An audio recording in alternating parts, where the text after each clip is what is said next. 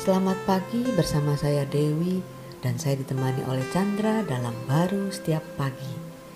Kita lihat marah itu biasanya bisa berdampak baik dan juga nggak baik sih ya.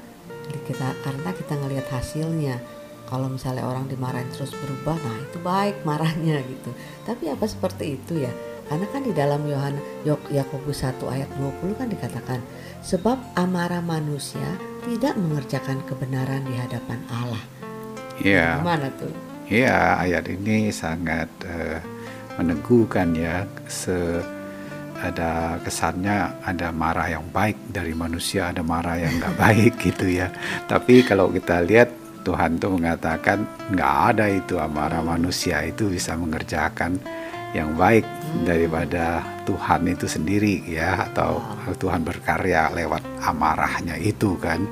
Bisa bayangkan kalau kita itu yang berdosa itu eh, Tuhan marah dengan dosa Supaya kita. kita bisa bertobat. Bisa bertobat udah dihukum tuh kan. Uh, tapi karena kasihnya justru dia yang uh, menanggung ya hmm. uh, dosa kita kesalahan kita sehingga kita bisa menerima pengampunan dia Nah, dia bukan melampiaskan kemarahannya. Hmm. Nah, tentunya uh, kita juga nggak bisa ya uh, dengan kekuatan kita untuk menahan tidak marah. Uh, iya, sebenarnya sih ada orang bisa menahan tuh terbatas aja, hmm.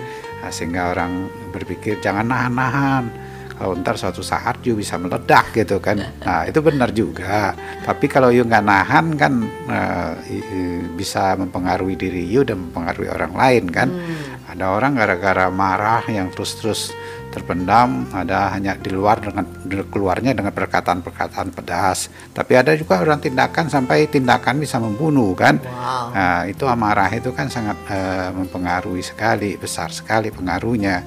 Tapi cara Tuhan ya tentunya bukan cara memarahi bagaimana kamu jangan marah. Hmm, nggak begitu ya tapi dia memberi Kristus sehingga dia menebus eh, karakter lama kita ini manusia lama kita sehingga kita bisa menerima sifat ilahi dalam hidup hmm. kita.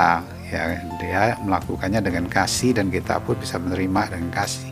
Caranya bukan uh, uh, menahan atau membiarkan ya kan? Hmm. tapi mempercayai bahwa kita itu sudah nggak bisa tapi sudah ada tentunya hidup dia karakter dia dalam hidup, hidup kita hidup Tuhan. Sehingga kita nggak terus berpikir yang membuatkan di kemarahan kita itu dan dia bisa menang terhadap hidup kita karena kita udah ditebus di situ tapi kita sudah menerima kehidupan baru dia. Dengan cara demikian ya Eh, lama-lama ya jadi ringan ya masalah yang berat pun yang besar pun ya kita nggak mudah uh, terbawa untuk marah untuk baru marah. menyelesaikan kita pikir kita harus marahin dulu iya, baru berubah baru menyelesaikan iya ya. kita uh, memiliki satu damai ini ya bukan berarti kita nggak boleh tegas ya. Tegas tapi tidak uh, terbawa emosi marah. Yang marah itu kan nggak enak juga yang yang, yang marah enak. yang juga ya, melakukan marah juga sebenarnya di hatinya dia nggak enak. Iya, Tuhan maka itu Tuhan memberikan satu penebusan sehingga dia bisa melakukannya hmm. dengan kasih daripada Tuhan. Amin. Ya itu aja sih. Wow. Amin.